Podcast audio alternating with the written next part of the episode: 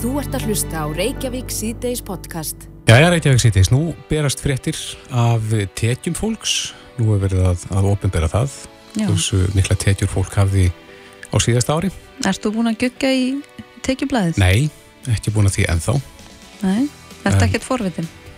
Ekki mikið. Nei, ég er enda að segja það sama. Já, En, en, en það- sumir eru forvitin. Já, já, já. Og sumir segja að þessar upplýsingar eigi bara að leikja fyrir, þannig að það sé allt upp á borðum. Mm En að, aðrir eru mótfallin því. Já, já, og nú fyllast fréttamillar af, af uh, litlum fréttastúfum um, um laun. Já, einmitt. En á línunni er Trösti Hafleðarsson, hann er rítstjóri Tekjublaðs frjálsar verslunar og uh, rítstjóri Vistildablaðsins. Komdu sæl. Sæl. Já, svona, hver er tilgangurinn svona út frá ykkar bæjadöfnu síðan með því að byrta þessar upplýsingar?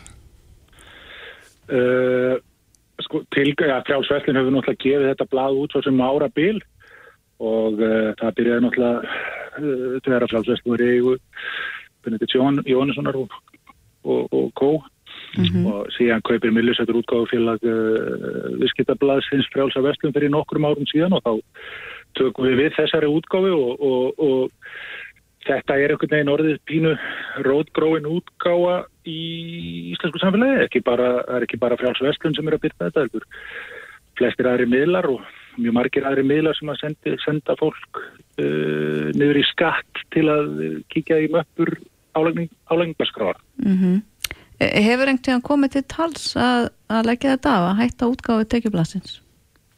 Nei, það verður ekki komið til tals hér. Þannig að uh, það er náttúrulega skipta skoðanir um, um þessa útgáfu. Hafa nú einhvern tíðan heyrst einhverja rattir sem að, uh, eru mótfall þessu og svo var náttúrulega þessi síða tekjur.is sem var tekið niður sem síndi nákvæmlega þetta. Mm Þannig að það hefur ekkert, ekkert áhrif á ykkar útgáfi. Nei, það verður ekki ára okkar útgáfi. Ég skil alveg þá gaggrinni, sko, þú veist að svona mörgur leiti skilum að það, það er svona svo litið verið að uh, kíkja í launaumslæði hjá fólki Mm -hmm.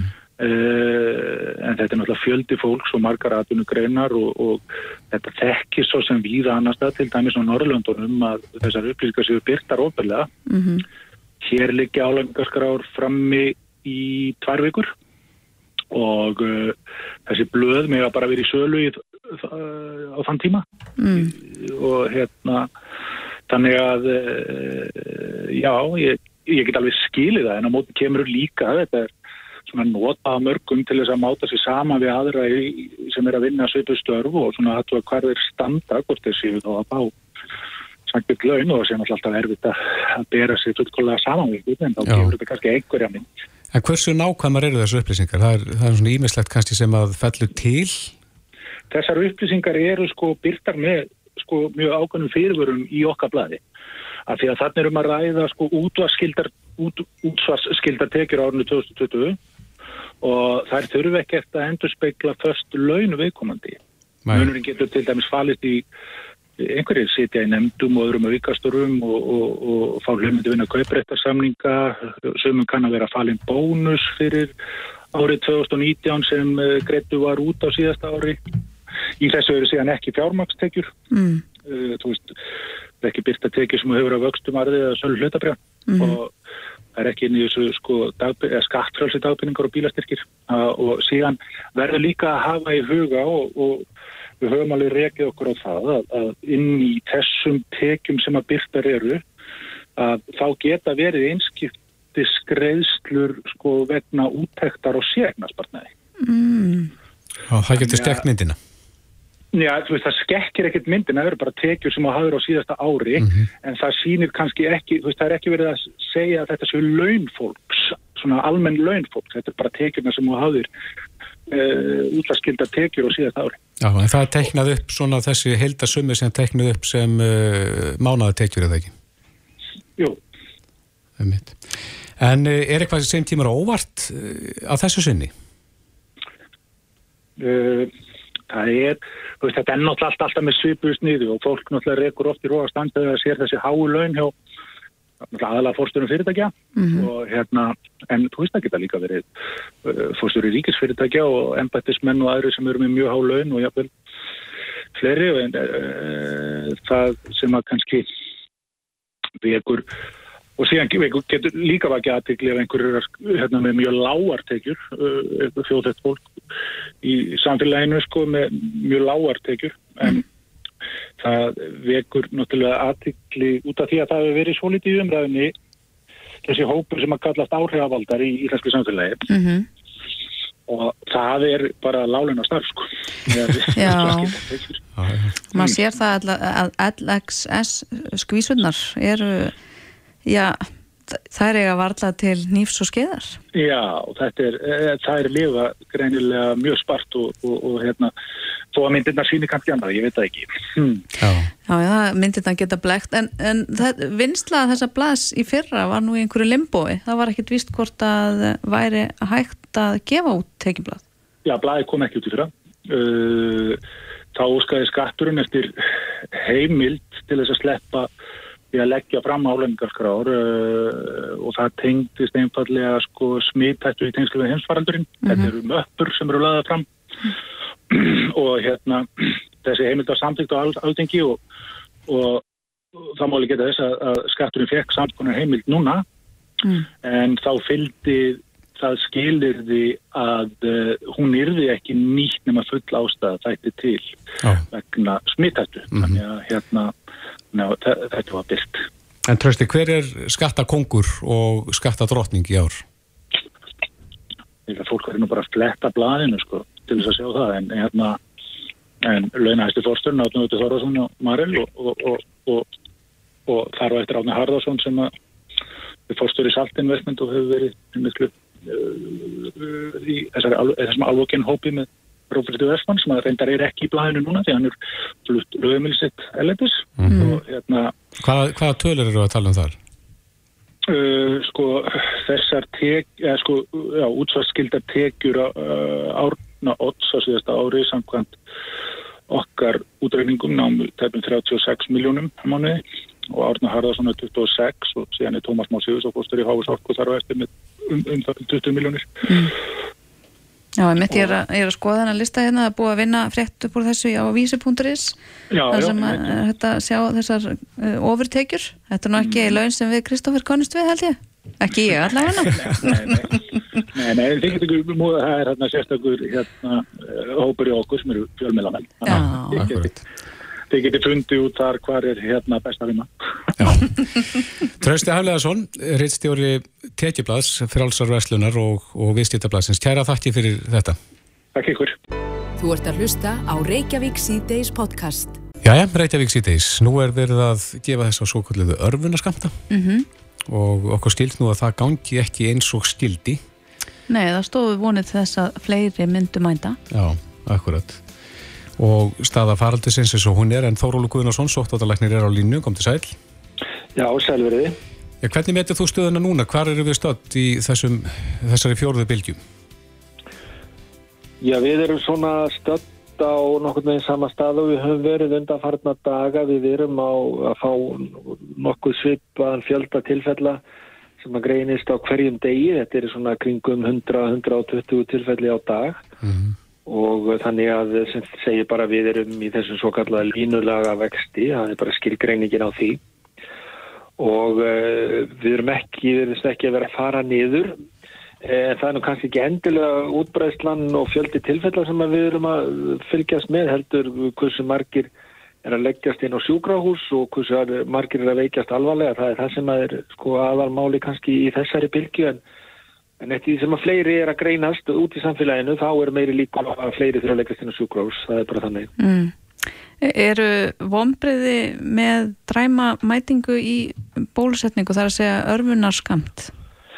Já, ef hún er eh, þetta lélega eins og þú vart að segja, ég hef ekki fengið nákvæmlega upplýsingar um það frá heilsugjastlinu að þá hefði maður svo sannarlega vonast til að, að, að eh, fá betri þáttöku við við sjáum það að, að bólusetningin er klárlega er að koma í veg fyrir smitt og hún er að koma sérstaklega í veg fyrir alvarlega veikindi og uh, það sem að það flestir af þeim bólusettir sem er að greinast núna er, hafa verið bólusettum í Janssen þannig ég held að það sé mjög mikilvægt að ebla þeirra varnir gegn veirunni með því að, mm. með því að fá, fá þeirra nauka skamt og það er bara miður ef að menn gera það ekki og, og, og er eitthvað smekið við það. Já, það var hérna mánudaginn minni mig sem að heimtur voru 50% með minnir að það er upplýsingar hafi komið fram í fréttum en getur verið að fólk sé að missa uh, tiltrúna á bólusetningar eða Ég veit ekki, ég hef ekki skýringar á því að okkur fólk kemur ekki og það getur verið margar, margar skýringar en, en eh, ég hef náttúrulega verið varfið það að fólk sé að missa tiltrúna á bólusetningun. Ég held að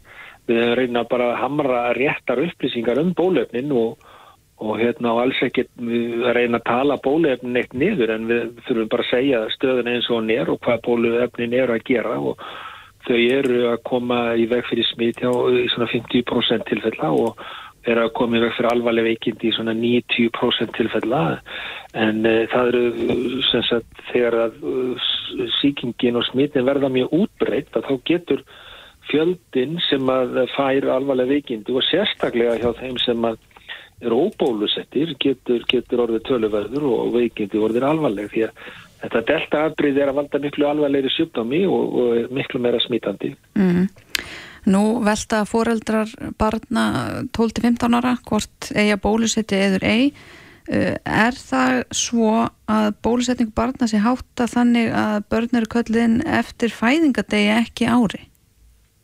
Já, ég ætla nú ekki að fara í nákvæm útfærsla því helsikessla höfuborgarsæðinsins hefur útfært þetta og því bara þetta er best að spyrja þau bara því og, og skoða heimasíðuna það er bara mennur að reyna að nota það kerfi sem að, sem að talið er virka, virka best og er einfaldast í, í, hérna, í, í, í nótkunn. Leggur þú ekki línuða með það hverjir fá bólusetningu? Jú, jú, ég legg ekki línuða með það hvernig, hvernig það er framkvæmt. Nei, en spurningin er hvort að... 12-16 ára hvort að sé eftir fæðingadögum eða einhverju slíku það, það er ekki á mínu borði. Nei, það er ekki árið, þannig að allir þeir sem eru fættir á tilteknu árið að þeir fái bólusetningu. Já, það er miðað við fæðingardag held ég alveg örglega, frekar heldur en, heldur en árið. Mm. Já. Já, þannig að þeir sem eru fættir sent í árið þurfa þá hugsanlega að býða fram á næsta ár. Uh, en nú hefur mikið verið rætt líka um sótkví og samtök atunlífsins sendur frá sér yfirlýsingu gær þar sem þau veldu upp þeim möguleika kannski væri einhverja vægari aðgerðir, hægt að grípa til vægari aðgerða til dæmis þegar kemur upp smiti í skólum að þurfa ekki að senda alla í sótkví? Já sko, þetta er nú ekkit nýtt. Ég hef sjálfur verið að tala um það og gæna frá því núna undanfarið að, að eh, þessar, þessar reglur um sótkví og reglur í skólum eru, eru í endurskoðun og það sem við reyna að gera þetta eins lítið íþingjandi eins og mögulegt er og reyna að vinna það með skólunum. Eh, en við verðum hins vegar að, að, að hafa sko það í huga að það sem við höfum verið að gera með rækningu og setja fólk í sótkví er sennilega, sennilega það eh, áhrifaríkasta sem við höfum gert þess að hafa heimila útbreyslu veirunar. Þannig að ég held við með alls ekkert að gefa afslátt af því, sérstaklega þegar við verum að eiga við afbreyði núna sem er meira smítandi og alvarlegra og, og líka hjá börnum. Mm -hmm. Þannig að við þurfum að gera þetta þannig að, að, að e, fara bilbeggja og reyna að hafa þetta áhrifaríkt en ekki eins lítið íþingjandi sem mögulegt er og það er bara það sem við erum að vinna í núna. Já, e, Sigur Ingi Jóhansson, samgang og sveitarstjórnar á þeirra. Hann e, sagði í samtalið fréttastofun okkar að, að það þurfa að skoða hvort að hætt verði alveg að setja full bólusetta í sótkví. Hvað segir sóttallanlæknir við því? það finnst mér ekki koma til greina og ég er bara þó að Danir og Norðmenn er að gera það og ég vil bara kíkjum á gögnin okkar þá frá fyrsta júli þá af þessum 3000 uh, mann sem greinst, hafa greinst þá, þá eru um 65% full bólusettir og að minnstakosti þriðjungur fyrir uh, á allt að helmingur er í sóttkví við greiningu sem segir það að ef við hættum að setja bólusetta í, í sótkví þá aukum við líkurnar á útbreyslu enn frekar. Þannig að menn þurfa bara að skoða gögnin sem við höfum fyrir þessum aðgerðum frekar en að, að, að verða að vitna í það sem að nákvæmna þjóðunar eru sem að ég að mínum að þetta er ekki, ekki kannski nógu góðar aðgerðir. Höfum við einhver gögn frá nákvæmna þjóðum okkur á Breitlandi um það að börn og eins og í Breitlandi þá þurfa börn og bólusettir ekki að fara í sótkví er, er komin einhver reynsla á það? Já, ég veit nú ekki hvort að það er rétti að vera börn þurfa ekki að fara í sótkví það er nefnist í, í bæði Noregi og Danmörku þá þurfa börn að fara í sótkví með uh, ákveðnum aðgerðum. Já, já, ég, ég, það var í Breitlandi sem að hvernig, hvernig útsetningin er, þetta mm. er bara mjög mismunandi á milli landa hvernig, hvernig þetta er gert og, og það er bara mismunandi sjónavið sem að ráða ríkjum uh, hvernig þetta er útfært. Já, en svo er líka rætt um eitthvað svona sjálfspróf heima fyrir. Já. Er það eitthvað sem, að, sem að er verðt að skoða? Já, sko við höfum verið að skoða öll þessi próf, hraðpróf, eh, sjálfspróf er náttúrulega bara hraðpróf þar sem að fólk kaupir og fer með heim og gerir sjálfpróf á sér. Mm -hmm. Það hefur bara komið í ljós að, að niðurstaðan og slíkum prófum eru bara mjög háð því hvernig prófið er tekið í fyrsta legi og það er mjög mismunandi hvernig fólk, eh, hvernig fólki gengur að, að setja pinnan upp í nefið eða upp í munnin og, og, og, og hérna þannig að og svo er þessi prófs í sjálfum sér mjög mismanandi örug þannig að ég held að uh, þessi hraðpróf og við erum líka að vinna leiðbynningar og nótkunnan þeim geta komið að gagni við ákveðnar aðstæður. Ég er ekki vissum að það verið mjög hjálplegt uh, að, að, að fólk gera þetta sjálft heima. Við erum bara með mjög gott aðgengi að þessum góðu prófum hér og ég held að við erum að halda áfram að nýta okkur þau próf sem við getum treyst. Já En svo eru menn svolítið að reyna að finna núna leiði til þess að lifa með veirunni, svona án mikill að raskana. Er það hægt að þínum að því? Já, við erum náttúrulega búin að vera að lifa með veirunni og reyna að finna, finna þetta jafnvægi á millið þess að, að, að gera ekki of mikið en, en hafa veiruna samt undir kontról. Það er það sem við erum að gera með því að lifa með veirunni og ég held að við þurfum að hugsa til lengri tíma hvernig eh, við ætlum að gera þetta, bæði innanlands og landamærunum og fara fram til kvötunum því að COVID verður með okkur áfram næstu mánuði, næstu árin og, og verður þess að áhætta hér bæði ef að koma upp nýja afbreyði og alls konar hlutir. Þannig að við þurfum bara að stilla okkur inn á þetta. Þetta er ekki búið, sko. Nei, en er þá svona, með við þína þekking á þessu, erum við þá að fara eins milda leiði núna og hægtir? Já, ég held að við erum, eh, það eru margar þjóðir með miklu strángari aðgerir og, eh, og hljóms að landamærum, ég var að tala við nor, hérna, norska kollega minn og þeir eru með töluvert harðari aðgerðir á landamærunum heldur en við og þetta er bara mjög mismunandi með til landa hvernig þetta er útfært en, en við erum ekki mjög harðar aðgerðir eins og staðin núna. Nei, það er bara, það er bara þannig. Takk kærlega fyrir Þórul Guðnarsson, sótarnarleiknir fyrir þetta spjall og fræð okkur um ímislegt er tengist COVID. Já, sem leiðist. Takk fyrir. Þetta er Reykjavík C-Days podcast. Við örkum áfram hér í Reykjavík C-Days og uh, mér fannst aðtillisverð uh, aðtillisverð viðtal sem ég las í vikunni. Mm -hmm því ágæta tímarétti um uh, konu sem skrifaði björritgerð uh, í sem bara titilinn ofbeldi ekki karlmönnum í gagkinniðu parsambandi. Já. að leita sér hjálpar. Mm -hmm. og það er Katin Alda Bjarnadóttir uh, sem útskrifaðist uh, nýverði með bjagráð í félagsráðgjöf frá Hóskóli Ísland sem skrifaði þessari ritgerð. Og Katrín er á línunni. Sæl og blessuð. Sæl. Ég, þetta er kannski efni sem að maður heyrir ekki oft talað um, maður heyrir svona oft umræðan á hinvegin Já, algjörlega og ég held að þannig kveikna áhugin á þessu hjá mér. Þetta er mjög falið í samfélaginu að þetta sé til staðar. Mm -hmm. Veldið gagvað kartmennum. E, er byrstingamyndin önnur en þegar við ræðum það á hinvegin? Nei, raun og verið ekki. Þetta er bara byrstingamyndinar eru mjög svipaðar en kannski meira um andlegt ofbeldi fremur en líkamlegt eða uh, fjárbúin eða eitthvað svoleiðis það var meira andlegt á konum En er þetta algengt? Já, miklu algengar en maður heldur að gera sér grein fyrir Hefur það verið rannsakað þar að segja, er maður með eitthvað statistik yfir það? Já, það er til fullta rannsóknum um þetta en voða fáar hérna á Íslandi um ofbeldi gagvast kartmennum í parasambandi mm. en það er mikið um það erlendis og vera rannsakanda og svona meira að vera að skoða þetta. Er það þá tölur sem hægt er að heimtfæra þá yfir á, á Ísland? Já, algjörlega. Bara á, það er samt, uh, ef maður skoða skýslir hér, þá er, eru fáið karlum sem tilkynna ofbeldi. Mm. En ef þeir tilkynna þá er, er bara mættið með mótlæti eða bara eh, þeim ekki trúa. Þá uh, þeir eru tilkynnaði til lauruglu? Já eða jafnveg leita sér hjálpa til félagsfjónustu eða eitthvað svoleiðis þá er bara voða lítið þeim og reynda að hjálpa. Mm, þeim er bara ítt í burtu. Já, og í raun þá er bara haldið að hann sé þá gerandin og konan hafi þá bara verið að svara fyrir sig. Mm. Þannig að við erum kannski först í einhverjum gamaldags mítum.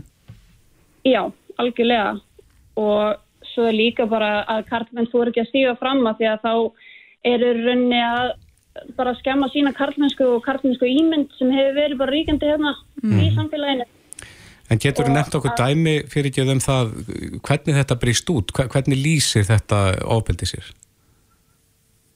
Bara alls konar. Þetta getur verið andlegt, líkamlegt, uh, kynferðslegt og fjárhagslegt ofbeldi og þá er aðalega verið að nota kúanir, hótanir og það er nota börnin til dæmis og bara þetta er alls konars. Mm. Og, og hvernig áhrif hefur þetta ofbeldi á karlmenn? Hvernig byrtist það? Bara mjög slæm og karlmenn eh, sína mikla reyði fremur en eins og konur það er verða kannski meira þunglindar og svona mm -hmm. en karlmenn finna fyrir bara reyði og mikla skömm, skamma sína að sé verið að koma svona fram við sig að þú veist að þú sé bara eigið sér stað og þeir upplega bara mikið þunglindi líka og sjálfsvík uh, er algengt. En rættur við einhverja karlmenn við vinslu þessar rittgerðar? Nei, þetta er allt bara uh, skoða frá hérna, rannsóknum. Mm. Þannig að þeir koma svona, því niðurstæður að þeir koma svolítið að lokuðum dýrum hér þegar að þeir reyna að, að gera eitthvað í, í málunum? Já, algjörlega. Er, er einhver staðu sem að, sem að tekur á móti körlum í, í svona stöðu? Já, það eru fullt af flottum úræðum á Íslandi og en það er, all, það er ekki til neitt sem tekur kannski aðal á móti karlmennum sem væri bara minn draumur að væri hægt að búa til að þannig að karlmenn geti leita sér aðstöðar mm. bara það sem er einogis fyrir karlmenn Er þetta eitthvað sem að þú hefur áhuga að starfa við í framtíðinni? Já, algjörlega En, en hvað, þú nefndir á þann að, að það hefði kveikt einhvern áhuga hjá þér að lítið væri rætt um ofbeldi hvenna gegn köllum í gagginniðum uh, parsambandum. Uh, var það eina kveikjan að því að þú fórst að skoða þessi mál? Já, í rauninni var ég sagt, bara í skólanum og var í mörgum áfengum þar sem tegndist ofbeldi og, og áföllum og svo leiðis og þar var nánast allt að tala um gerundur sem karlmenn. Og, og að þólendur væri þá konur og börn. Mm. og þá fannst það áhugavert að það væri aldrei talað um að karlmenn gætu einni verið þólendur í ofbildisopati. Mm. En svona samabori við konur, hvernig liggur prósentan í þessu? Konur eru, það er auðvitað meira af ofbildi gagvart konum. Töluvert meira það ekki? Já, en það má svolítið ekki gleyma því að karlmenn eru líka þólendur og það getur hver sem eru orðið fyrir ofbildi saman hvaða kynu ert mm -hmm. en Já, bara rosalega falið í samfélaginu einmitt, hvað þarf að gerast til þess að koma þessu upp á yfirborðið? Ég væri bara til í að fleiri kartnum myndi stíga fram og segja sína sögu alveg eins og konur er að gera mm -hmm. og vekja bara aðtikla á þessu og að þarf bara meiri umræðu um þetta allt saman að karlinn séu einnig fólundur mm. Þannig að það þarf eitthvað að karla bildingu Já, í rauninu veru. Einmitt. Það væri alveg gott ef einhver myndi bara starta og segja frá og fleiri koma og fylgja. Já, það kannski gerist þegar við höfum náða að vinna böga á e, þessum staðalýmyndum sem við virðumst lifa enn eftir. Já. Mm. Þetta er áhugavert. Ég uh, bara óskaði góðs gengis í framtíðinni Katrín Alda Já. Bjarnadóttir og takk kærlega fyrir að spjalla við okkur. Já, takk fyrir. Á Bilginni podcast. Jæja, Reykjavík síðdeis. Það segir hér í fréttin á vísi.is að það er allt orðið vittlust í vegansamfélaginu. Já, það er svona gott sem. Já. Hún Þorbjörg Hafsteinsdóttir sem að Íslandingum er góðkunn, hún létt hafa eftir sér umæl í hlaðvarspættunum Þvótahúsið mm -hmm. um veganisma. Já, hún er heilsu og næringatherapisti. Já, hún telur að veganistar sé á villigutum. Já og þetta júðiði einhverjar fjæður og crossfit þjálfarin Átni Björn Kristinsson sem er vegan, mm -hmm. hann svarar Þórbyrgu á Instagram og býður henni heimsótt til sín á crossfit-dæfingu. Einmitt, og þau eru bæði á, á línunni, komið í sæl. Sælveri. Og með því sæl. Ef við byrjum á þér, Þorbjörg, uh, hva, hvað er það nákvæmlega sem að þú heldur fram um vegan? Um, mér minnir það að í hlaðvarpuna hafi ég sagt að ég þekkti fáa sem að aðhyllast vegan og borða vegan sem hafa leitað til mín til að fá aðstóð í hilsufarslegum hérna, vandamálum að uh, ég held því fram að þeir hefur ekki gott að þeir voru fristir Mm. meðal annars, já Já, með og vöðvarýrnum. næringaskorti Já, og, og þess, já, og marg getur haft vöðvarýrnum mm. En Árni, þú ert ekki... Gunnar, þegar ég var að tala við hann tók undir það og, og sagði sína reynslu af því þegar hann hætti að vera vegan og fór að borða meira prótínum frá dýrum Mm í sambandi við þunglindi og annar. Já, Árni Björn Kristjánsson, þú ert crossfit þjálfari og, og kemur þetta, þessi lýsing þér spánstur í sjónir? Já, heldur betur, ég verð nú að segja það. Þú ert er ekki... Hva, hvað er það við þessa lýsingu? Hjá vegunum eða hvað? Það er náttúrulega alveg fráleitt að halda þið fram að eh, veganar sé með einhver næringarskort eða vöðvarýrnum og það er nú Á síður en svo að það er búið að vera mikil, mikil sók hjá íþróttamönnum og afriks íþróttafólki að borða plöntum með að fæði. Já, en var ég að ræða íþróttafólk á sem vegana eða þetta er náttúrulega fólk sem er elít fólk og þú ert elít maður og, og ert að skilt að þú sett sjálfari hjá, í bóksunni það ekki? Þannig er þú ekki bara mjög vel alveg í mataræði þá og vel að búin að setja þig mjög vel inn í hvað þú átt að borða þegar þú hérna að borða eða þú, þú ert búin að útiloka dýraðverðir Já, ég er nokkuð vel að mér og hef einmitt verið að hjálpa fólki að fræðast meira um þetta. það er alveg bara mjög frábært því að það séu rosalega margir sem eru eða kannski er að hugsa um að, að fara vegan eða eru byrjar á vegan eða hafa verið það eitthvað tíma sem kannski ekki hafa alveg sögnu þekkingu og þú segja, sem er ekki kannski búin að segja þessi nóg vel inn í það hvernig það ná í nóg próteidum hvernig það á að nota eða fá B12-vitamin, svinkir eh, vissar aminosýrur eh, veist, allt þetta, allir þessu pakki. Og það er þetta sem ég er að tala um að sem ég sé hjá mínum skjólstæðingum að þeirra sem leita til mín að það er það sem að þau skorti. En segðu mér eitt Þorbjörg, uh, getur verið að þetta eigi við um fleiri, ekki bara þá sem eru vegan, að, að þeir Að sem að eru sjálfsögðu, jafnvel en núna alætur að þeir að geti þjást af næringaskorti líka?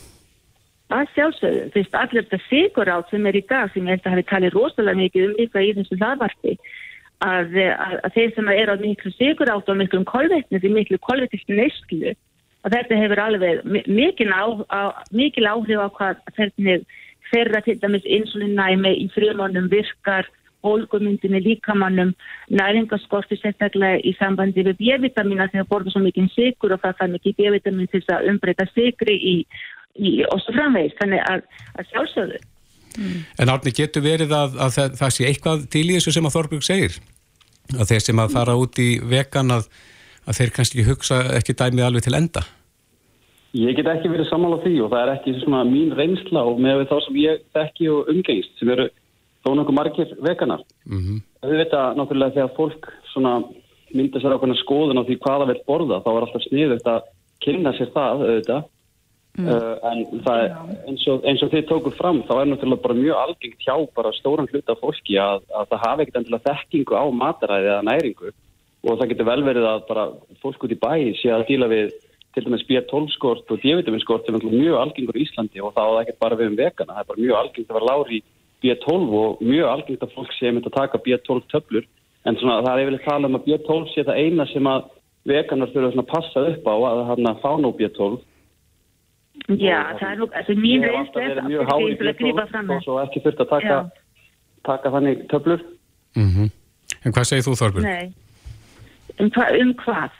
Ég meina, þú veist, ég, mín reynsla er bara önnur, þess að ég, altså, að mín reynsla er svo að það eru margir sem eru að útiloka allar dýrafurðir sem geta einmitt verið skort á þessum hérna, mikronæringarefnum og líka einhverjum aminosýrum. Maður þarf að vanda þessu, maður þarf að vanda þessu mjög vel þess að ná hei, það verður öllum prótínum, öllum aminosýrunum þessum lífsnöðsynlegu aminosýrum og við veitum það að það er ekki bara ég sem er búin að finna þá því að það er ekki það sem að kallast fullt prótein eða heilt prótein í júrta í júrta prótein mm. Þetta er nú reynda gömur mýta þetta er nú reynda fyrirgjöð þetta er reynda gömur mýta Þetta er enda gömul mýta sem er löngu búið að afsanna. Það er að fá, öll, er að fá öll, allar aminosýrur úr þarna plönturíkinu. Herðu, ég er ekki að segja að maður geti ekki fengið allar aminosýrur úr plönturíkinu. Ég er að segja að maður þarf að, að það eina fæðina miklu vandlegra heldur en ef maður til dæmis bara borðar fisk eða kjöt eða egg eða mjölkurður þar sem allar aminosýrurnar eru til stöðar. Þá þarf hérna, það að, að rafa saman þú veist að fá þessa plöntufæri og það er þessa bönir og aðra bönir og, og, og hrísgrjón eða hvað nú er til þess að, að, að samina þar, hann og fáruður allar og það er ekki allir sem vita þetta mm, og það eru margir sem að ég þekki til sem halda það að, sem að fara í, í að borða alltaf mikið af kolvetnum sem að koma frá mjöli eða brauði en þess að þeir eru ekki að vanda sig nógu vel að þeir kannski hafa ekki þekkinguna mm. og þess vegna er mjög gott að heyra orðinni að þú gerir þér ómak að því þú veist þetta og veist hvernig maður á að fara að þessu að þú stætt líka að kenna þínum skjólstæðingum hvernig maður á að vera á góðu veganfæði. Mér finnst það svo mikilvægt, alveg eins og ég er að kenna fólki hvernig það getur verið á góðu lágkólvetna fæði uh, og fá öll næringarefnin, bæði makronæringarefnin og mikronæringarefnin og tryggja að það sem er góða insulin, næmi í frumum og svo framvís og framvís. Mm -hmm. Það er eitt af hort steitum helsunar okkar. Fórstu við erum á, á keto eða lágkólvetna eða vegan eða á karnivór eða hvaða stefni sem við veljum. Mm. Þetta er hortsteitmin. En átni, sko, nú vekja umræður um mat og já, ég verð nú eða að segja að sérstaklega veganisma oft upp sterkar tilfinningar og það er ákveðin hitt í samtali ykkur, þorber, ykkar þorbergar núna þó að það sé nú líka vinsamlegt. Akkur... Ég er ekki hitti, ég, ég, já, ég er ekki það ég er bara að tala svolítið hátt. Já, já, já, það er bara allt í góður uh, hérna, Ég er bara velta fyrir mér átni af hverju heldur að uh, þetta sé svona mikið hittamál Sko, þetta er ákveðin skýring sem ásef hérna, á þessu öll saman. Og það er það að þeir sem aðhyllast vegan er svona, ég myndi, ef þetta gíska 90% aðhyllast veganisma út af einhvers konar þá dýravendunum sjónummiðum eða umhverjusvendu sjónummiðum og svo ákveðin svona minni hluti sem að er aðeins út af svona næringarlegu sjónummiðum mm. og þeir sem aðhyllast vegan þeir telja í raun að þeir sé að koma í veg fyrir þá ákveðna þjáningu þjáningu sem á stað hjá dýrum og þjáningu sem á stað eh, hjá jörðin okkar og það er búið að sína það alveg sanna með rannsóknum að stór partur af bara umhverjus áhrifum er vegna framleysla á kjöti. Og þeir telja sig sagt, vera þá að fylgja því rétta í stöðunni. Og, og með því að gera það þó svo að þeir sé ekkert að endilega breytingar það allir að gera það þá finnst fólki svolítið vegið að sér að það sé þá að gera eitthvað rátt og það verður til þess að mjög mikið af fólki fer bara ásjálfart í vörð að það sé verið að segja að það sem þau eru að gera í sinni næringu sé ránt mm -hmm. og að veganismi sé hér rétta. Og það bara verður til þess ósjálfrátt að fólk áður til að fara í vörð það er svolítið, það er svona myndast þessi svona, hvað ég segja, træði það hjá fólki. Vistu það, ég er svo ánað með það að áriðin að þú komst fram með þetta við veist að þetta er svolítið hængur málsinn til mér að sjá. Að því að, og þú sagður það sjálfur að, að, að sagður 90% af þeim sem að aðheitlast vegan Eh, og sem heitir alveg mikla sko, og hefur mjög mikið skilning á allt það í sambandi til þján okkur dýr og annað. Þannig að það velur, það velur ákveðum aðbæraði samkvæmt uh, ekki kannski það maður kalla maður ekki kannski beint trúi en það vil styðja þennan málstað sem kalla dýr og umhverfisvandamál. En það setur ekki hotlistuna í fyrsta sæti. Og það er það sem að ég kem inn Mm -hmm. að, að, að, það, er, það er svolítið sko munur þar á milli þegar maður að gera eitthvað en maður ekki að kannski taka til til hotlistunar í veganistunum Einn spurning, Þorbjörg, aðeins að Já. fá að koma einni spurningu til þín hérna þegar þú fær til þín svona stjórnstæðinga sem að er eins og þú lýsir, þeir eru slappir og, og uh, þjást af næringaskorti og, og vöðarýrnun uh, hver er þín ráðleiting til þeirra? Er það að byrja að neyta dýra að vera aftur? Nei, alls ekkert endilega. Ég, vil, ég tala náttúrulega við skjólstæðingin og spyr hvernig við komum til lífi og þá hjálpa henni frekar að samansetja það mataræði sem hann vil borða eða hún vil borða og, eh, og eh, það er að setja maður saman á réttan hátt að fá nógar aðeinarsýrur, fá þessi næringarefni sem vantar að því þú ert ekki að fá kjötir eh, eða, eða dýrapróteinir og, og líka skattana prótínum sem við þurfum eða þeir sem aðeins vegan, þeir þurfa að fá meira af justapróteini heldur en þeir samanmagni af, af fráefni sem er frá dýraafurðum. Mm. Þannig þetta er bara staðarinn og það er mismandi gæði á próteinu, við vitum öll. Hvort þau komið frá justaprótínum eða frá. Dýraprótínum er náttúrulega miklu, miklu aðgengilegra fyrir líkamann að nota og nýta og melda við veitum það, mm -hmm. það er ekki bara ég sem finnum på því, þetta er bara vísindi, en þess vegna verður að kenna þeim að fá réttu próteinin, aminosýrutnar frá justamat en í, í því matnum sem þau þurfa að halda til að, að, að hafa þenn, hvað maður segja, bara því fá það næring og, og sem það er bara fyrir frumur og vöxt og annars. Hvað segir þú orðni með veganista á Íslandi? Eru þeir meðvitaður um hvers konar næringu þeir þurfa að fá úr mataræðin?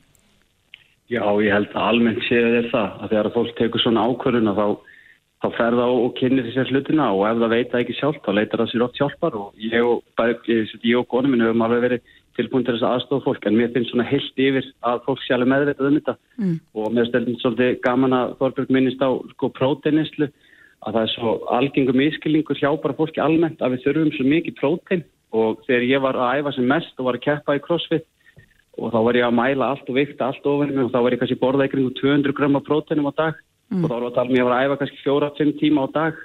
Þannig almenn manneskja sem er bara lifið sínu lífi og er í sínu vinnu og er ekkert endilega einhver afreiks íþróttamanneskja hún þarf alveg ótrúlega lítið af prótenum og það er alveg búið að sína það, það á sanna Og hvað er það mikið fyrir sem að þú tilur að, að vennilega manneska og hvað er vennilega manneska? Hvað þarf hún mikið af prótenum á dag? Það er náttúrulega fer eftir ykkur manneskinu það fer eftir hvað manneskenni þung það er vel talað um að en ég, ég er 75 kíló, hvað þarf ég? Ég er 60, hvað þarf ég mikið að prótínum eftir, eftir þínum kenningum? Það þetta bara reikna það. Ég held að þessi tala um 0,6 grömm til 0,8 grömm per kíló að það sé alveg nægt af prótíni fyrir, fyrir vennilega manneski Sko, Átnið, Já, ég, ég þarf allavega 1 grömm af, af, af, af prótínum á dag og ég er orðin eldri kona og þeim er eldri sem við erum fyrir við aðeins meiri prótein, þetta er líka alveg saman þannig að við erum ábygglega með, með, með eh, ekkert mjög langt frá hvort öðru í þessu. En veistu hvað, að ég, ég getur þetta mátt að reyna að fá þessi 75, 80, 90 gröma prótein sem ég þarf á að dega því ég borða bara tvistar, en mér tekst það. En uh, Þorberg, akkur heldur það að sé viðkvæmt, ekki bara í þessu máli heldur öðrum, uh, viðkvæmt að hafa skoðanir á mataræði fólks?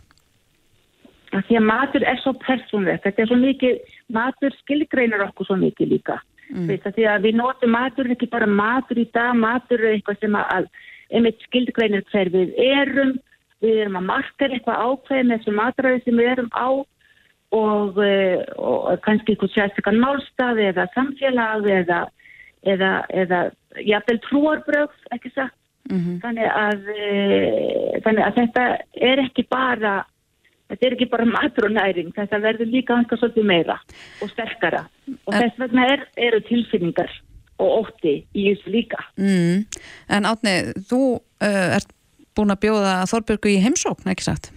Jú, hún er velkominn hvenna sem er. Mm, og hvað? Heyrðu, ég fara að tekja þig á orðinu. Gaman að... Það er að kenna mér. Við förum yfir einhvers konar leikningur, höfðu ég. Kanski ólífningar leikningar. ok, minnst spila það. Ég, ég, ég æði kæmt upp þessu trísar í viku hérna úti í, í Fæljarparkuna sem ég hef býð, þannig að ég þurfa aðeins að uppa mér svolítið aðri kempið sín.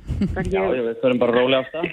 En haldið getið ekki náð einhvers konar samleið í, í tali um næringu og mataræði? Jú, ég trú ekki öru.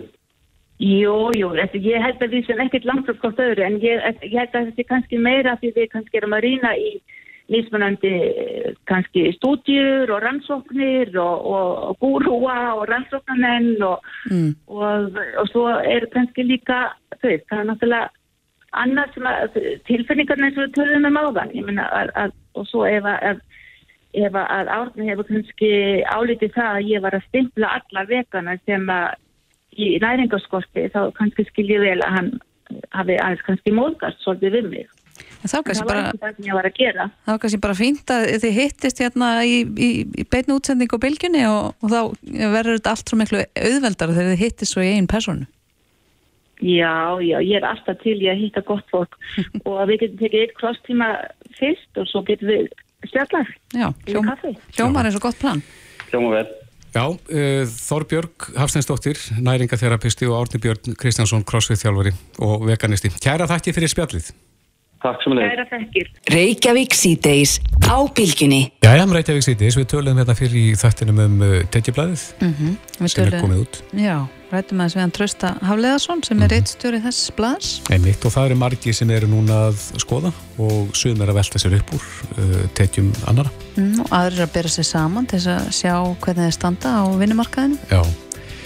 En uh, við þykjumst vita að uh, þeir hjá samtökum skattgreðenda sé ekki íkja sáttir við uh, framlagningu á þessum álagningaskrám. Uh, Skafti Harðarsson er formaða samtakana, kom til sæl. kom sæl og komið því sæl. Já, þetta er vantarlega ekki gleðidagur hjá ykkur. Nei, sko, uh, hérna, útgáfa álækningaskrár er út af fyrir sig hvorki ánægi tíðindi nýja sorgafréttir. En það að þetta skulle vera byrst með þessum hætti er auðvitað alveg frálegt og ég hugsaði aðeins til þess þegar að ég sá núna fyrstu fréttin, það var fórsíða held ég á fréttablaðinu sem er að tilkynna það og byrsti mynd af blaðamennum uh, sem grúfa yfir þessu og byrti þar mynd tvekja, uh, byrti þar laun hérna, mynd laun tvekja einstaklingar, við meðum ekki gleyma því að það er ekkit alveg einfalt að rekna út tekjur fólks, það er að segja sko mánaðarlegin fólks út frá þessum tölum. Mm. En eh, þá dætt mér annað í hug að af hverju ég taki mikið til núna og spyrji til dæmis persónuvend um laun einstakara starfsmanna þeirra og vil ég fá það uppgefið fyrir síðasta ár. Ég, ég þykist alveg vita hvaða svar ég fengi sem væri það að, að uh, launa kjör starfsfólks persónuvendar nýtu trúnaðar og væru persónuvendar upplýsingar. En það er engin munur á því að gefa þessar upplýsingar með þessum hætti til okkar eða að opna með þessum hætti álengaskrána. En, Það eru allir starfsmenn persónuvendar til dæmis. En, en ég, ef ég gerir fyrir spurning til einstakra ofnverða stofnuna og spyr um laun og launukjör, þá verði ég að gæta þess að persónugreinlegar upplýsingar kom ekki fram. hafið þið leitað eftir svör við þessu skafti hvort að þetta samrýmist þetta er- persónuvenda lög? Það er búið að reyna að taka þetta fyrir dóm og hérna á eh, lagatæknilegum atriðum var í rauninni hafnaði hæstaristu þess að því að taka afstöðu til málsins til niður. Það er búið að kæra þetta líka til persónuvendar og það hefur heldur ekki gengið. Það eina sem hefur fengist í gegn er það að þessi, þessi hákarlaskráðnar eru ekki lengur gefnar út af skattinum sjálfum Mm og það er búið að takmarka þann tíma sem skráin má líka fram í. Emmett. Þetta þykja mér náttúrulega bara algjörlega, sko, þannig eru menn í raun að fallast á það að þetta sé ekki fullkomlega eðlilegt en vil ekki loka á þetta. Og þetta á þetta að loka þessi strax. Hér er bara að ala á öfund eh, samanbörði sem að getur aldrei verið neitt eh, raunhæfur. Eh, Maður getur verið sölustjóri eða merkamaður eh, í sambærilegum fyrirtækjum og hann ætlar að bera sig saman. Þú sér ekki álækningaskráni hvað hann er búin að vinna lengi, hvað hann vinnur lengi í vinnunni, hvert vinnuframlag hans er, hversu samvinsku samar hann er. Laun ein og sér segja okkur auðvitað ekki neitt. Mm. En er þetta ekki, er þetta ekki ágætis endur speiklun samt að vissu leiti Á hverju? á til dæmis atvinnulífinu? Nú sjáum við að forstjórar stóra fyrirtækja eru með allt upp í tæplega 36 miljónir króna í mánaðalun. Í fyrsta lagi þá tekist ég vita það að þetta sé ekki alveg svona einfalt að þeir séu að fá greitar út 36 miljónir á mánu það lítur að liggja eitthvað annað að baki. Það getur verið í formi einhvers konar uh, hérna, kaupréttar eða annars líks. Uh, ég, er, ég er alveg sem að þú getur ekkert um það fullit hvað það er. Og nú ef þetta eru svona lögin þá er í festum tilvíkum eða oft um að ræða fyrirtæki sem eru á markaði það gild alltaf reglulögin þegar mann eru gefin upp og auk þess eh, getur þau sagt mér eða öðrum það hverju við erum bættar að vita það að einhver einstaklingur út í bæ hefur miljón, 5 miljón eða 10 miljónir. Eh, við getum smjattað á þessu, við getum alið og öfund. Ég hef bara enga skoðinu á því hvort fólk hefur 100 miljónar mánið eina. Ég, hérna, ég verða að hafa miklu frekar upplýsingar til þess að dæmum það hvaða fórsendur til þess að við komum til að hafa þessu launakjör. Mm. Það, sko, það, þarna er ekkert verið að gera annað heldur en bara að svona, hvað að segja, höfða til lægsta samnefnara í íslensku samfélagi sem er öfundi. Já, en hvað segir skafti með þau rauk að þetta sé, þarna sé allt upp á borðum og og kannski líka hinn Já, endin að, að þarna sjáum við líka þá sem að kannski bera smittið á í samfélaginu en eru skrá, með skráðar á sem mjög lágartekjur. Já, við skulum líka að, að tekjur og eignir er ekki sama. Ég get til dæmis borist verulega á og verið á einhverjum lámaslaunum eða hreinlega á ellilífinni. Einfallega vegna þess að ég eigi miklar eignir. Mm -hmm. Svona samabörður er einmitt, það, það hefur oft verið sagt að þetta sé mjög gott til þess að sko fólk veitir hvort öðru eh, aðhald. Það er svona svipað bara á stasi í Östu-Þískalandi sem bara nágrænum að njósta um hvort annan. Mm. Eh, ekki viljum við það samfélag. Og ef alltaf á að vera á borðum og þetta á líka þjón einhverju þeim tilgangi til dæmis að vera aðhald og eftirlit, þá vil ég líka fá upp á borð allt hvert einustu krónu sem við sem skattgreðendur leggjum til öðru fólki í til dæmis bætur Hvers vegna má ekki spyrja um það? Hvers vegna má ekki tiltaka bara í hvað skatt fyrir þér? Mm. Hvernig eru laun að kjöra ofnbæra starfsmanna? Hvernig eru bætur einstaklinga? Rorku bætur og svo frá meðis? Við getum fara út í það og við getum fara út í það að kanna líka hvort uh, hversu margir eru uh, ekki skráðir í hjúskap en, en er það mm. uh, vegna þess að skattalega er það betra og svo framins og svo framins. Mm -hmm. Við erum bara sammálega um það að að það eru bara til þeir hlutir í lífinu sem eru trúnaðamál og tilherir þá fólki sjálfu og laun þess og ráðstöfum þess fjár á verið eitt af því. Nú uh, sagði Trausti Hafleðarsson reitstjóri tekjublasins við okkur áðan að, að það hafi aldrei komið til tals að hætta útgáfu þessa tímarits. Hvað finnst þér um það? Nei, já, já sko, þú veist, ég Ég hef auðvitað þá skoðun á því að það sé ofræðilegt að menn geri sér að fjöðtúfu þetta mál, þessum hafa til þess tækifæri. Mm. Eh, ég ætla ekki að byggja hann endilega um að vera einhvern síðapostula og láta einhvern annan verða að taka þetta að sér. Ég er ekki að byggja hann um það. Ég er bara að segja það hefur ofinbæra á ekki að gefa honum tækifæri eða öðrum til þess að gera þetta fjöðúi með þessum ómerkilega hætti. Mm. Ætli þið skafti að halda áfram að berja stegn þessu þar að segja að reyna að fá, já, já, fá já, úr því skori hvort þetta sé löglegt eða ekki? Vegna okkar samtals þá uh, munum samtölskattgreinda núna að senda inn fyrir spöldu persónuvendar og óskar þess að fá ekki um laun allar fyrir stafsmann sem það eru.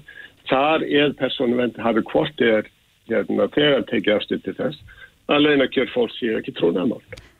Erstu bjart sýtna á þetta? Þannig að þeir eru bara... Erstu bjart sýtna á að, að einhvern tíman í framtíðinni eh, verði þessar upplýsingar ekki byrtar? Uh, nei, ég er ekki sérstaklega bjart sýtna. Ég, hérna, ég held að, að það sé þannig að, að uh, stjórnmálumenn og, og þeir sem er í rauninni að þessu máli koma sé einfallega þeirra skoðunar að hérna, það verði ekki á þetta loka uh, þetta, er, þetta er nánast fádæmi í nokkuru landi í vestur Európa að þetta sé gert mm. uh, hérna og, og bara sá trúnaður sem að persónuvenn til dæmis vilist vera að gæta gagvart, uh, hlutum eins og því til dæmis að, að seltjarnir sem í bí kom upp að uh, opni reikningabæris hafðu, uh, hvað var að segja gefið með að svift stuðning við fólk sem var hægt að nafngreina og þá að loka strax á þessu opnureikninga og ég er algjörlega sammála því. Mm -hmm. þetta, þetta voru persónugreinlegar upplýsingar sem komið fram. Uh, hann er ekki af gott fyrir bænum, hann er aldrei komið þessi gang aftur eða það er bara vegna þess að fyrir þetta leina ára á síðu sinni. En, en þarna gildir þetta sama lögmálið, gagvar launonum og gagvar þessu sem að bænum var að, að, að útluta. Persónugreinlegar upplýsingar þegar kemur að launum auðvitað að vera persónu, njóta fullra persónuvendar. Já. Skafti Harðarsson, formaður samtaka skattgreðinda, þú leifur okkur að fylgjast með hvað tímur út úr þessari fyrirspurning ykkar til persónuvendar? Ég skal, ég skal láta ykkur vita það því að þetta, þetta fættist nú bara í rauninni út af þessu samtali. Þetta er, Nú, þetta er bara einföld hugmynd. Já. Þannig að það er ykkur, ykkur þakka. Þakka í tjala fyrir spjallið. Takk. Takk, já, bless. já, bless. Reykjavík síðdeis á Bilginni podcast. Jæja, Reykjavík síðdeis, náttúrulega heimsbyðin fylgist með Afganistan og því sem er að þróast þar. Mhm. Talibanar hafa skottast inn á sjónasviðið aftur og uh, núna með uh, ykkur nýja áru yfir sér eins og þeir vilja kannski hérna leggja þá á borðið. já, þeir, Þeir eru mildin upp málið jú, jú, þeir lofa öllu fögru, verðist vera. Já, en það er spurning hvaða þjóðflokkur þetta er sem að þarna er komin aftur fram á sjónasviðið Hallgerður Kolbrúni Jónsdóttir bladamara vísi og gerði eh, þeim mjög góð stíl inn á vísi Mhm. það má finna hennar fróðleik þar hún er komin til okkar, velkomin Takk fyrir. hvaða, hverjir eru talibanar? Við byrjum þar. Uh, Talibanar eru hópur öfga íslamista um, sem að litu eða komið fram á uh, sjónarsviðið á tíunda áratug síðustu aldar og, og hérna hafa svona haldið sig aðeins til hlés síðustu 20 árin. En þeir voru sagt, stjórnuðu Afganistan í þannig fimm ár frá 1996 til 2001 þar til bandaríkjamenn réðust inn í Afganistan og, og þeir rökkluðust frá völdum. Já, þetta var ógnarstjórn, þeir voru mjög grimmir. Þetta var ógnarstjórn og margir Íslendingar kannast kannski við á best úr hérna bókunum um, Þúsund bjartar sólir og, og, og flugdreikafangarinn um, og þar er einmitt því líst hvernig þessi stjórn var og hérna þeir voru kannski þekktastir einmitt fyrir þessa kúun kvenna. Um, og það er eitthvað sem maður hefur séð núna fara eins og eldri um sínu um netið uh, þar sem veri, er verið að bera saman klæðnað kvenna á þessum tímum stjórnar Talibana og svo kannski 1970 þar sem konur klættist bara í rauninni svona hippafötum. Og svo aftur núna þar sem þær eru bara með slæður en margir óttast að, að þær, þeir Talibanar munu neyða konur til að fara aftur að klæðast búrkum og svona hilja sig alveg. Mm. Er það ekki rétt að orðið talibani þýðir nefandi? Það þýðir nefandi á arabísku og, og hérna nafnið má reykja til þess að þessir uh, stopnendur talibana stundu margir nám í trúarbræðaskólum um, auka íslamista uh, bæði í Afganistan og, og Pakistan um, á nýjunda og tíunda áratögnum. Þaðan kemur þetta nafn en það má kannski alveg taka fram að þetta er ekki sömu hóparnir og, og hérna, börðust gegn Sovjet, Sovjetríkinum í Afganistan Já. á sínum tíma. Þetta eru aðrir hópar. Sett, í Sovjetstríðin í Afganistan þá hérna, voru það afganskir kommunistar sem að börðust við hlið uh, Sovjetmanna og gegn þeim voru Mujahideen eins og þeir kalluðu sig eða heila stríðsmenn og þegar eh, kommunista stjórnin í Afganistan fjall þá tóku við einhverja samstipustjórnir þessara heilugu stríðsmanna og gegn þeim komu svo talibanar. Þannig að þetta er ekki sömu eh, fylkingarnar og börðust þarna gegn sovjetmennum eins og margir vilja að telja kannski. En er þetta sömu talibanar og voru við völd uh, fyrir innrásina? Já, margir af þeim mönnum sem eru þarna í forsvari eru um, meðal stopnenda talibana uh, en reyndar ekki sá sem er núna aðeinstil liðtögi talibana en það er þannig að pólitísku liðtögi sem að er sem sagt með e, bækistöðvar í Katar sem að er einn af stopnendum og, og annar sem er mjög hátt settur ég man nú ekkert hvað er heita en hérna Nei, þú byrstir hérna uh, lista yfir helstu menn í fóristu Talibana Einmitt. og það vakti nú aðdegli mín að það er einungus ljósmyndir af tveimur þeirra, einn er teiknaður og svo eru tveir myndalausir. Já, þeir hafa náttúrulega verið að halda sig mjög á bakvið tjöldin og sérstaklega hérna margir þessi sem að gegna þarna embættistöðum, eða embættistöðum um að kalla, eh, að þeir halda sig á bakvið tjöldin og, og þessi sem eru til myndir af, það eru til myndir af þeim vegna þess að þeir hafa tekið þátt í eh, friðarviðræðum við bandaríkjumenn. Mm. Þess vegna eru til myndir af þessum mönnum. En það er nú kannski ekki til þess að íta undir trúverðuleika að hafa myndalust eða andlitslust fólk í forsvari. Nei, en svo munum við örgulega sjá myndir af þessum mönnum þegar líður á núna, þeir eru komin aftur til valda og þá munum við líklega að fá að sjá hverju þessi menn eru sem eru þannig í forsvari. Mm. En það hefur náttúrulega ekki verið hingað til. Þeir hafa bara verið á bakvið tjöldin og hafa haldið sér til hér svona. Mm -hmm. með, En þeir lofa bót og betrun. Það er svona eitthvað mildar yfirbræðið þeim núna, er, þetta að treysta því? Ég er ekki vissum að það sé hægt að treysta því. Um, ég held að þeir séu að reyna að fá einhvers, einhvert sveigurum hjá vestuveldum til þess að koma sér þannig rækilega fyrir. Um, ég vonum að vestuveldin ráðast ekki aftur inn, ég held að það sé málið. Um, mögulega munir eitthvað reyna að liðka um réttandi hvenna og annars líkt bara til þess að í rauninni halda strísáttökum sem minnstum og að þeir sé ekki hræktir aftur frá völdum, ég held að það gæti alveg verið en ég er ekki vissum að þetta verði mikið skarra heldur en fyrir 20 árum síðan. En nú uh, njótu við þeirra forréttinda að við fáum upplýsingar um stöðuna þarna í gegnum samfélagsmiðla og frjálsa fjölmila í Afganistan er, getur við ekki sagt sem svo að þeir, þessir aðelar sem byrta myndir og myndbönd af ástandinu þarna séu hættu eða eftir mánu, tvo mánuði, þá fáum við ekki lengur neina upplýsingar.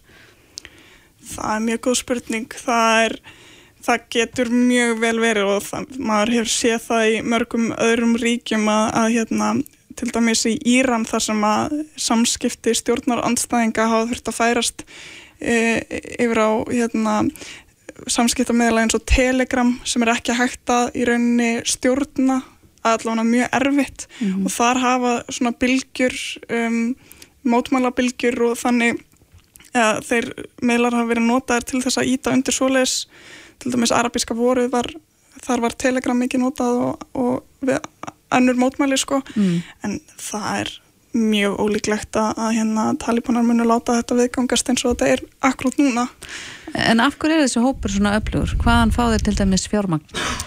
Um, fjármagnið 60% fjármagn eh, fjármagnsinn sem að talibanar hafa er, uh, kemur frá fíknefna sölu og útflutningi þeir hérna hafa, hafa lengi verið um, ráði ríkjum í ákveðnum héröðum í Afganistan og, og tekið undir það að rækta land til að rækta opium og, og heroín og hafa verið stórir útflutningsmenn þessara efna.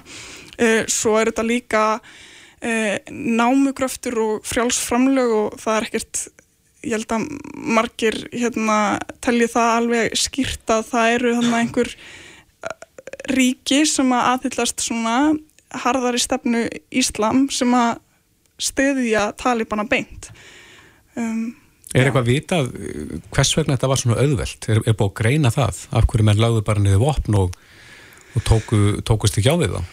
Sko ég hef ekki séð neina Er það bara orðsporið eða? Það gæti alveg verið að ég hef ekki séð neina almennilega greiningu um það en ég held að margir allavega hafa leittaði líkum að, að þessi tilraun bandarækjamanna til þess að mynda þarna frjálst og liðræðislegt samfélag hafi bara ekkert tekist og það sé ástæðan fyrir að þetta hafi gengið svona ölllega hjá þeim að það var ekki búið að stopna almennlegt líðræði eða almennlega innvið í, í Afganistan. Áður en að þeir voru yfirgefnir. Já, áður en að bandaríkin og breytar og NATO yfirgáfu landið. Mm. -hmm. En það er hægt að lesa þína greiningu uh, og skrifum talibanana inn á vísi.is Hallgerður Kolbrún eða Jónsdóttir Bladamara Vísi. Kæra þætti verið komina. Takk fyrir. Hlustaðu hvena sem er á Reykjavík C-Days podcast. Við höldum áfram hér í Reykjavík C-Days á þessum uh, príðiskóða miðugudegi. Mm -hmm. Það maður þess að snú okkur erotíkinni. Við ætlum að gera það. Hún er fylgifiskur haustsins eða hvað? það getur verið. En það sem er fylgifiskur haustsins Aha. eru allskyns námskið. Já fólk hérna leitar mikið í þau sérstaklega hefur fólk verið í svona fjarnámskeiðum og alls konar í COVID. Mm -hmm. og ég ræk augun í nokkuð áhugavert námskeið hjá klefinu og það heitir einfallega erotísk teikning fyrir fullotna Já. Og það er hún Sirri Margret Lárusdóttir sem er kennari þessa námskeiðs. Og Sirri er á línunni. Sæl og blessuð. Sæl. Hvað ætlar að kenna á þessu námskeiði nákvæmlega? Þetta er teikninámskeið fyrir fullofna að sjálfsögðu mm -hmm. og hérna það sem ég ætla að fara í, í sagt, ég tók mastersnám í erotískum myndasögum í bandaríkunum mm. og skrifaði alveg hérna, margar bláð sem að við gerðum þetta aðsamann mm -hmm. eh, og og vonast til þess að geta nota þetta í eitthvað skemmtilegt hérna heima á Íslandi. Er, er öðruvís að tekna erotík heldur en bara blóm eða, eða fjöll? Í rauninni ekki en, en bara svona út af samfélagslegu svona hugsunum og hérna tabu eitthvað eða öðruvísi Mm. og það er svona ákveðin hluti sem maður þarf að hugsa um öðruvísi líka. Eins og hvað? Það er hérna eins og Ríkjörnum í fellum þá var er rosalega mismunandi hvernig mismunandi einstaklingar teikna erotík til dæmis bara konur og gallar Mm. Hver er helsti mununni þar? Eh, það sem ég fann alltaf var að hérna virtist vera oftast ekki alltaf út frá konum sjónum við þeim þá var miklu meira tilfinningatengt erotíkin Mm -hmm. og, og meiri áhersla á sögu og bakgrunn karakterana og útskýring af hverju þau laðast á hverju Mm. En- hjá körlunum þá meira fókus á kynlífi eða eitthvað slíkt? Já, kynlega sjálft og, og bara svona einhverja, einhverja svona umhverfis tengda að veist, hvar þau eru Mm og, og þannig þetta En þú ert að fara að kenna erotíska teikningu, ertu þá að fara að kenna erotíska teikningu í myndasögum eins og þú læriðir eða er þetta einhvers konar almenn erotísk teikning? Eh, ég með langaði aldrei að hafa þetta bara opið eins og, eins og bara nefndinu vilja hafa þetta og, en ég er náttúrulega er með það sem það með bakgrunn Mm ég held að þetta að gera við getum bara að prófa að gera sniðið þessu luti saman bara Þú talar um að, að þú leggir upp uh, með jákvæða nálgun á mismunandi líkama. Já. Uh, hvernig þá? Þetta er í rauninni það að í staðan fyrir að, að tekna alltaf það sem er e, ítilisera sem fallegt að tekna alla sem fallega. Mm. Verður þau með mótel á staðnum? Nei, en ég með skilst að klefi bjóði upp á námskeið sem er mótiltekning Mm og margir hafa náttúrulega sér mjög skemmtilegt vinsælt námskeið. En hérna, ég, ég það verður ekki þannig á staðinum í námskeiðinu mínu samt. Nei, og hvernig er þetta þó unnið? Þú segir til dæmis hérna í námskeiðslýsingu að þetta sé sjálfsögur námskeið fyrir þá sem vilja auka við kunnáttu í teikningu en líka ná sambandi við innri kynveru. Hvernig gerir maður það í gegnum erotískar teikningar?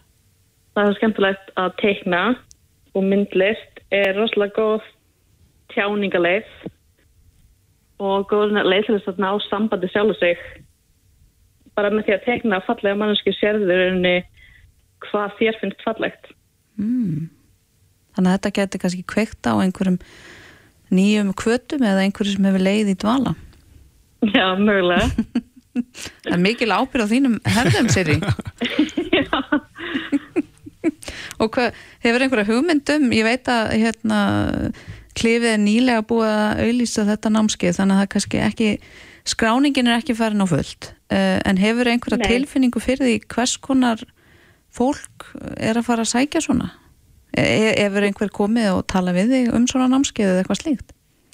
Allir sem ég hef sagt frá námskeiðinu finnst þetta hljóma rosalega spennandi og, Mm. og hérna, ég var bara er mjög spennt að sjá og hitta þá sem að hafa áhuga á það og ég. Já. Já. Þessi áhugð þinn og þú gerir meistars, meistarrið gerð um erotíska teikningu í myndasögum, hvaðan kemur þessi áhugð þinn? Ég er ekki viss, ég er bara einhvern veginn fann þessar myndasögur, ég held að byrja því að það voru myndasögur sem voru bannaðar í bandaríkjunum, Mm. Skrifað af, af samkynnaði fólki, uh, 60 eitthvað og 70 eitthvað og þeir voru svona að skiptast á myndasögum á klubbanum og kvöldin og svona Mm -hmm. og mér fannst þetta hljómaður svona spennandi sem svona rebellion eiginlega í, í mynd. Þannig að þú ert smá rebell. Já, er að það. Hefur þau bóðið upp á svona námskeið áður? Nei, ég hef gert smá svona smiðju, listasmiðju í bandaríkunum bara. Mhm. Heldur þú að Íslendinga séu til í þetta? Ég held það sko. Vildu þið séum öll tilbúin í þetta bara. Já. Hvert geta áhuga sæmir leitað? Og klifið.is, þá var þetta að finna þetta námskeið og fleiri mjög skemmtilega námskeið. Ég er líka að kenna persónusköpun uh, fyrir teiknumyndir fyrir krakka. Mm. Það er nóg að gera hjá þér. Já, já. Erstu alltaf öll út í málingu og, og blí á höndunum? Já, það bestu dagarna allavega, það er þannig. Þetta er flott, Siri. Takk kærlega fyrir að taka þér tíma til þess að ræða þessa hluti við okkur. Við bendum áhersum á klefið.is þar sem hægt er að læra erotíska tekningu fyrir fullotna. Siri Margrit Lárastóttir, kennari. Takk kærlega fyrir spjallið. Þetta er Reykjavík C-Days podcast.